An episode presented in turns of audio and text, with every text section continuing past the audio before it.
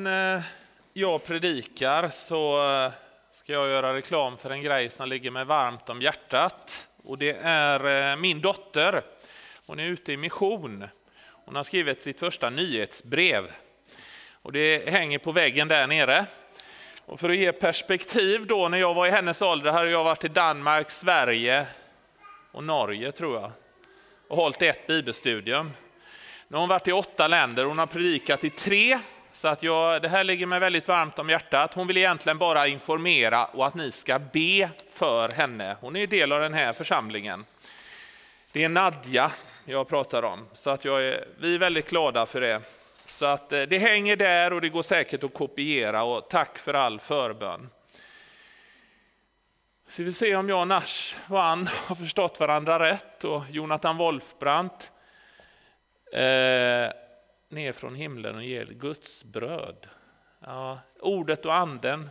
Fick du med hela? Annars är det alltså ande och liv. Ska det stå. Guds bröd är det som kommer ner från himlen och ger världen liv. Var det hela 633? Det är den översättningen då. Ja, ja, vi får klara oss ändå. Ordet och anden har jag fått rubrik. Ordet och anden. Någonstans på en arbetsplats i ett helt vanligt arbetslag så håller ju alla låda i arbetslag och en person som var lite mer högljudd än andra under lång tid säger vid ett tillfälle till en tydligt troende kristen som håller Jesus högt helig i hjärtat. Att när vi har den här eh, lite mer dominanta personen, när vi har pratat och diskuterat och bollat saker och ting fram och tillbaka, så brukar det bli så bra när du avslutar med att sammanfatta och även säger vad du tycker. Då lägger sig friden. Det är ett vittnesbörd av ord och liv. Kanske det är dig jag pratar om också. Ordet och anden, ord av ande och liv. Jesus sägs det om att han talade med auktoritet eller med kraft och inte som någon skriftlärda som bara pratar, pratar, pratar hela tiden.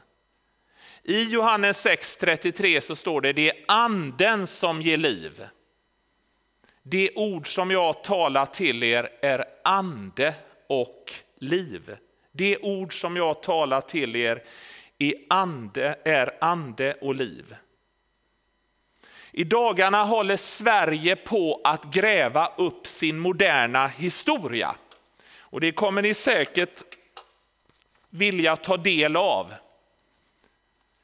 Det har gjorts en film om Roparörelsen och det är en gammal vän till mig eh, och hans fru har gjort en film. Och det handlar om en helt unik tid i 1840-talets Sverige. Den finns på SF Anytime och den eh, handlar om Roparörelsen. Vad var det som hände? Ja, de har fortfarande svårt att förklara egentligen vad det var som hände. Det var drängar och pigor som hoppade upp och höll tal, predikningar till människor. Och hundratals, tusentals människor samlades runt om.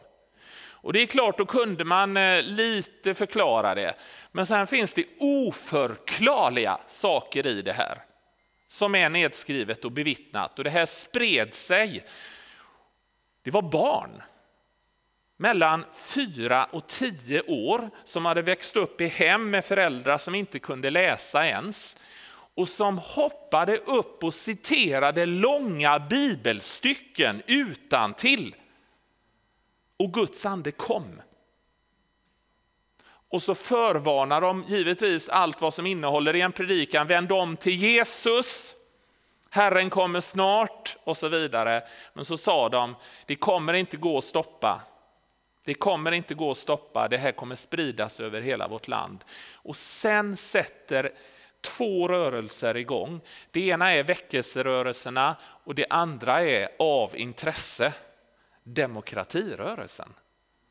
Wow! Allt ifrån ett Guds andes ingripande där barn, pigor och drängar hoppade upp och sa jag tror därför talar jag. En del forskare menar på att här börjar Sveriges moderna demokrati. Tvärtom är ju den sorgliga historien idag i länder där man låser in dem som talar eller försöker hindra dem att tala i diktaturer. Där man inte får tala fritt. Jesus säger i Johannes 6.33, det ord som jag talar till er är ande och liv och det betyder att det drar ner Guds närvaro. Jesu efterföljare i alla tider har undervisat ur Guds ord och då skapas det första som jag vill betona och det är närvaro. Om ordet Jesus så sägs det att världen skapades genom ordet. Jesus, Messias, Guds son, Gud själv är ordet som kommer ner mitt ibland oss och är människa. Jesus säger till sina lärjungar innan han tas upp till himlen, himmel och jord ska förgås, det är inte så uppmuntrande. Men mina ord ska aldrig förgås. Därför händer det någonting i andevärlden varje gång Guds ord går ut. Varje gång ordet om Jesus går ut. Och skulle det inte gå ut någon söndag eller börja läggas beslag på så blir det snart mörkt. Det tystnar snart. Och det var det som hände under medeltiden, så slipper man forska mer i det, korstågen och allt det här. Man talar ju inte ut Guds ord. Älska din nästa, be för dina fiender, välsigna dem som förbannar dig, gå ut med evangeliet. Man tystnade. Det hände inte, det hände i Tyskland på 30-talet och det kan gå så snabbt. Och vi har inte jätte, ett land jättelångt ifrån oss Ryssland som det här händer, att man börjar tystna mer och mer. Det hände i Tyskland på 30-talet. Varför då? Ja, du behöver ju inte vara raketforskare för att förstå, eller historiker att förstå. Att prästerna gjorde inte sitt jobb på 30-talet i Tyskland. De dummaste de blir dummare och dummare och dummare. Och det ser man först efteråt. Präster, lärare, läkare, politiker, de är ju korkade. Och allting börjar med att Guds ord inte gick ut i kraft, i ande och liv. Och det kan hända igen om man börjar tystna.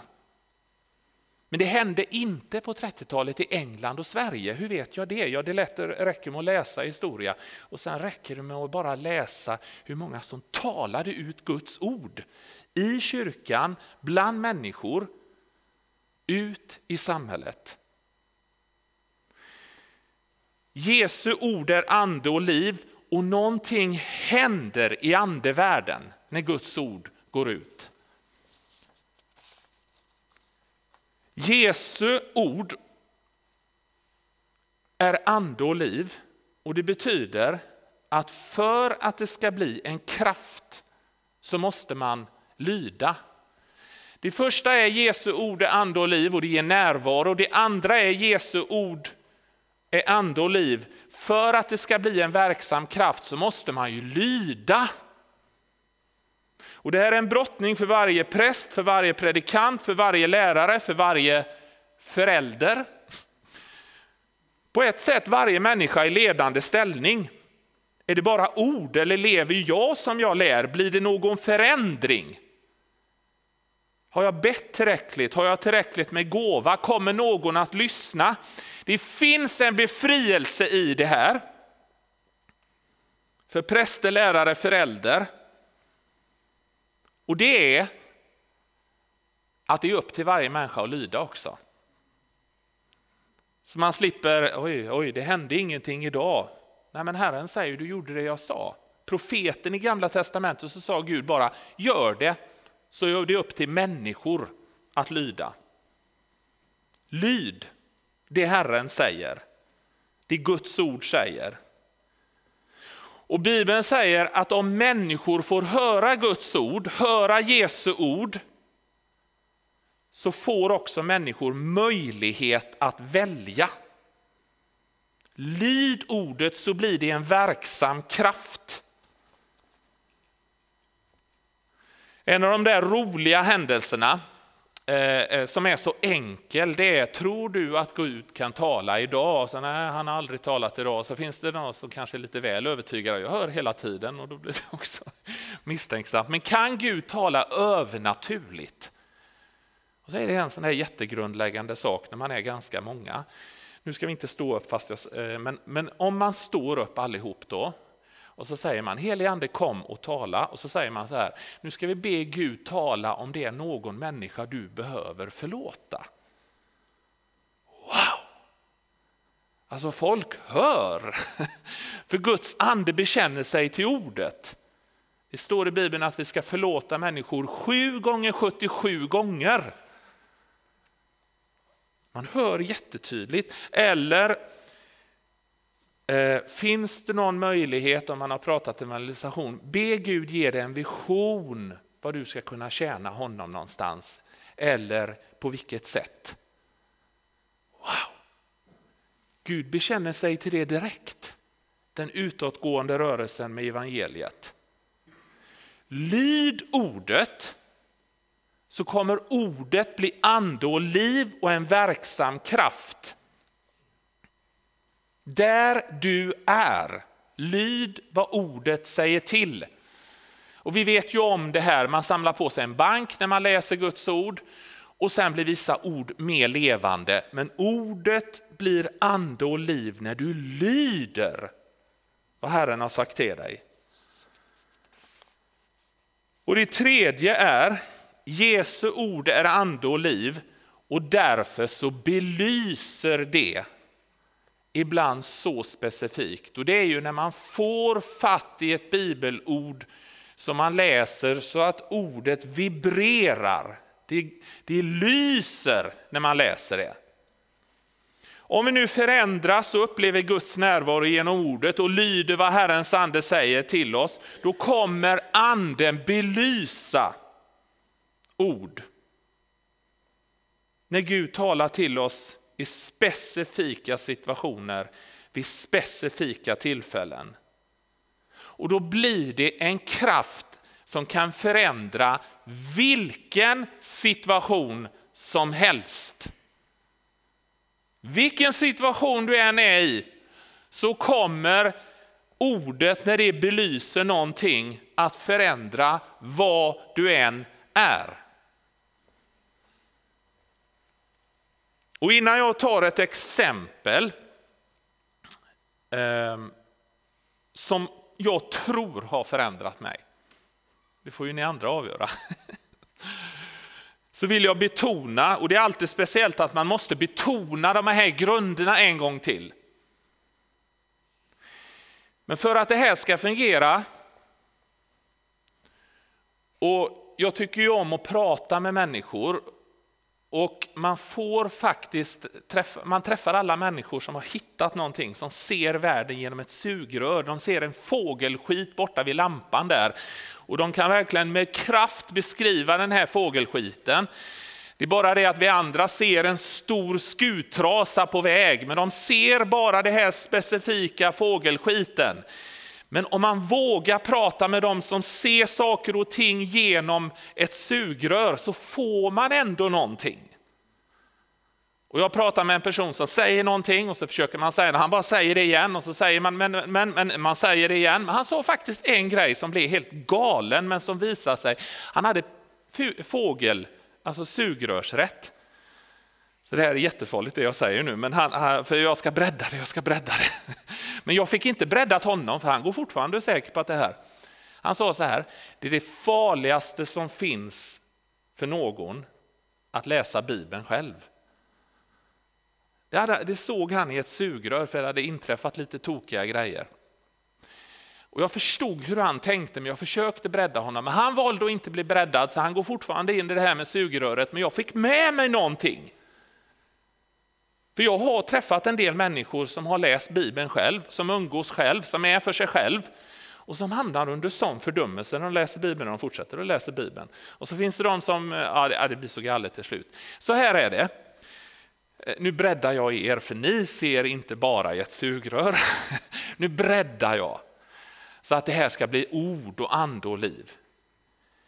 De första kristna levde alltid och genom historien har alla sunda kristna alltid levt i det man säger de fyra bena. Då fungerar det här att du kan få manna ord ifrån himlen. Och Det betyder att de levde i gemenskap med andra. De levde egentligen i fem brukade vi om man tar med Jesus, men han ska ju vara med då.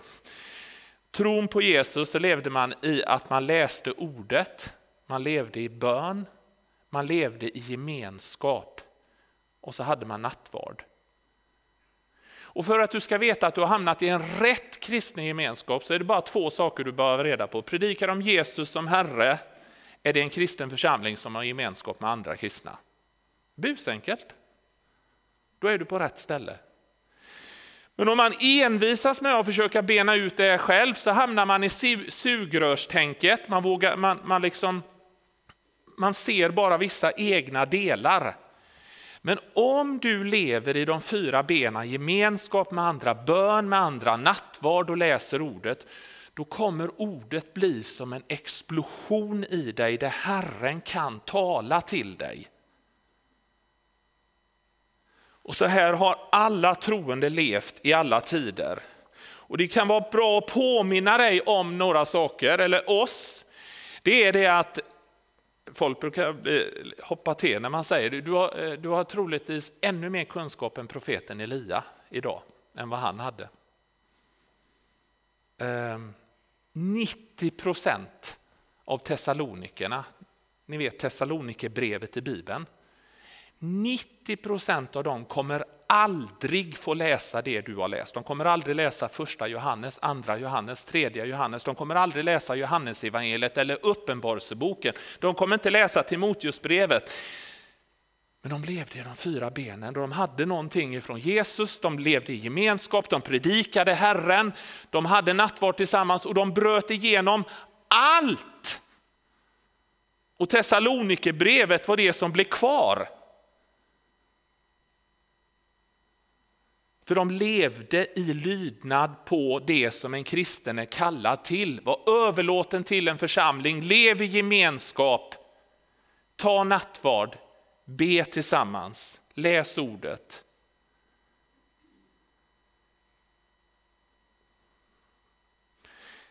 En lugn är att ordet inte talar till dig. En lugn är att bara du har förståelse av ordet. En lögn är, jag har en svår tid nu så jag, jag, är, jag är inte med några andra kristna. Det är därför du har en svår tid. Lev i det som Herren har visat. Men så är det det där.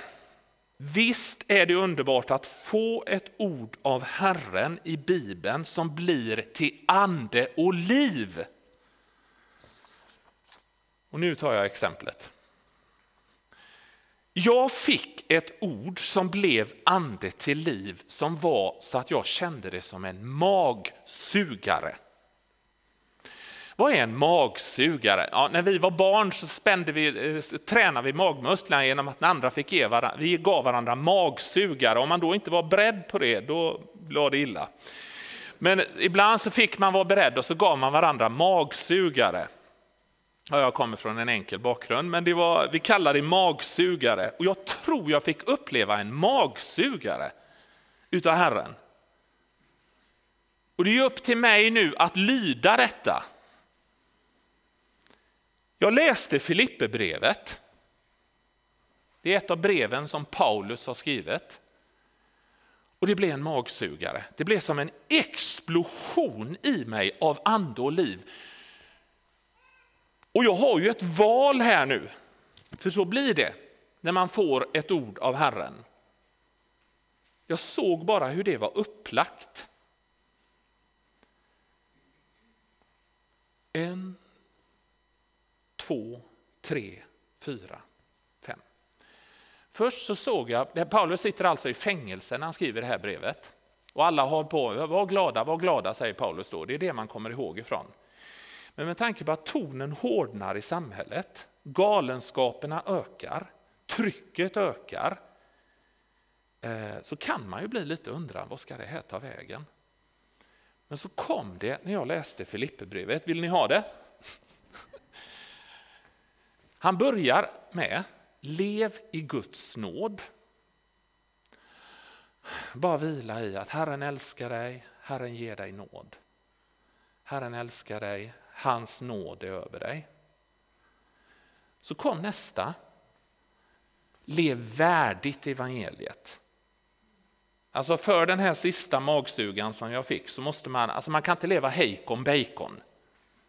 Man kan liksom inte vara känd för den som skäl eller den som, den som slåss och fifflar och grejer. Då, då funkar inte det här. Utan, men, men gör man fel så får man gå tillbaka till nåden. då.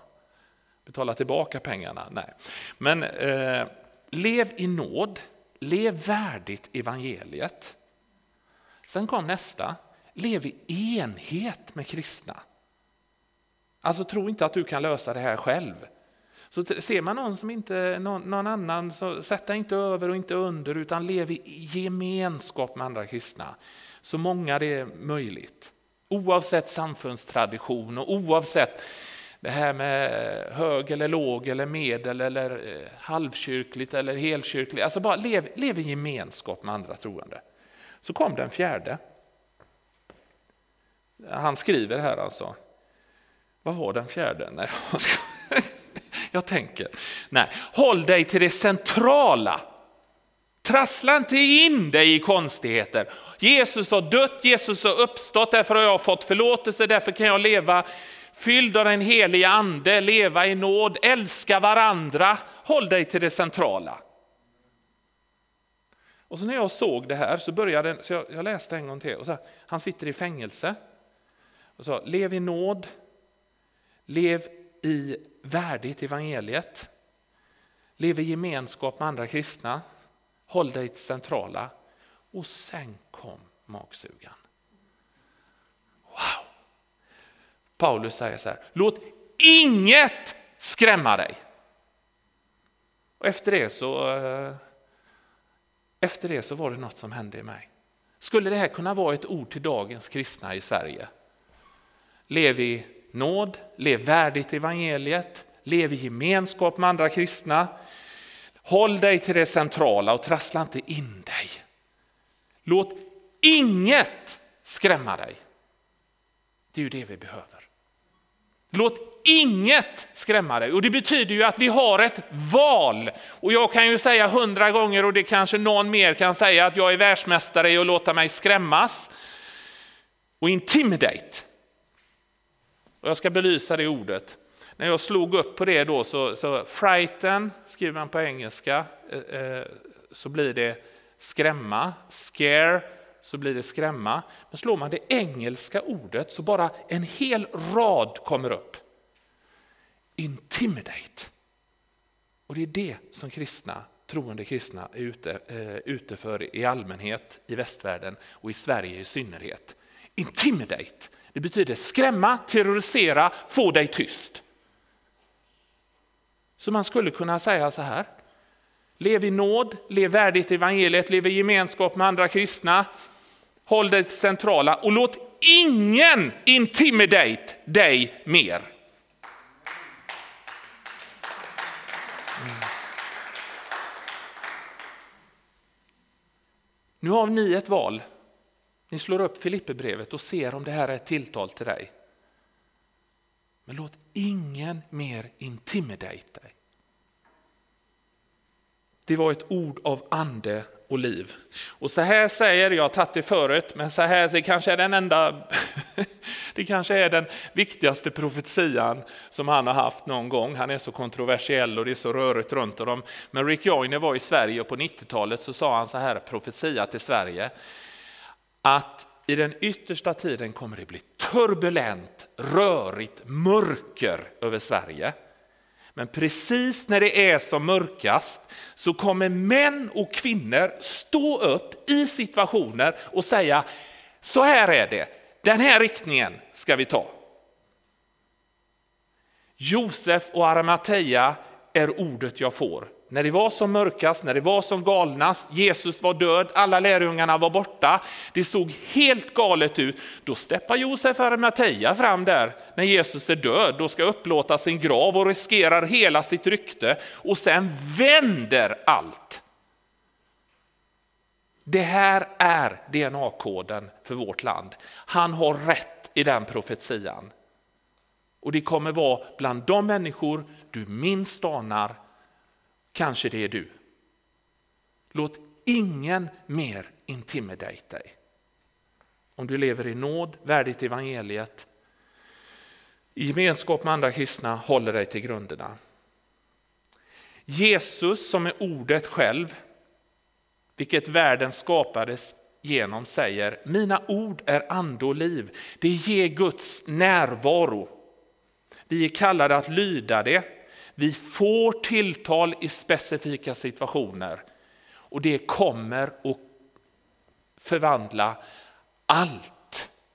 Närvaro, lydnad, tilltal, belysning och det förvandlar allt.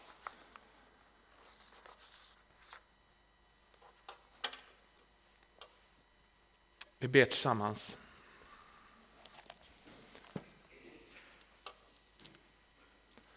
Herre Jesus Kristus, vi tackar dig för att ditt ord är ande och liv. Vi ber i Jesu namn om att få stå till ditt förfogande, till din tjänst, vara dina händer, vara dina fötter och oavsett var vi är någonstans så vill du använda oss. I Jesu namn vi ber. Amen.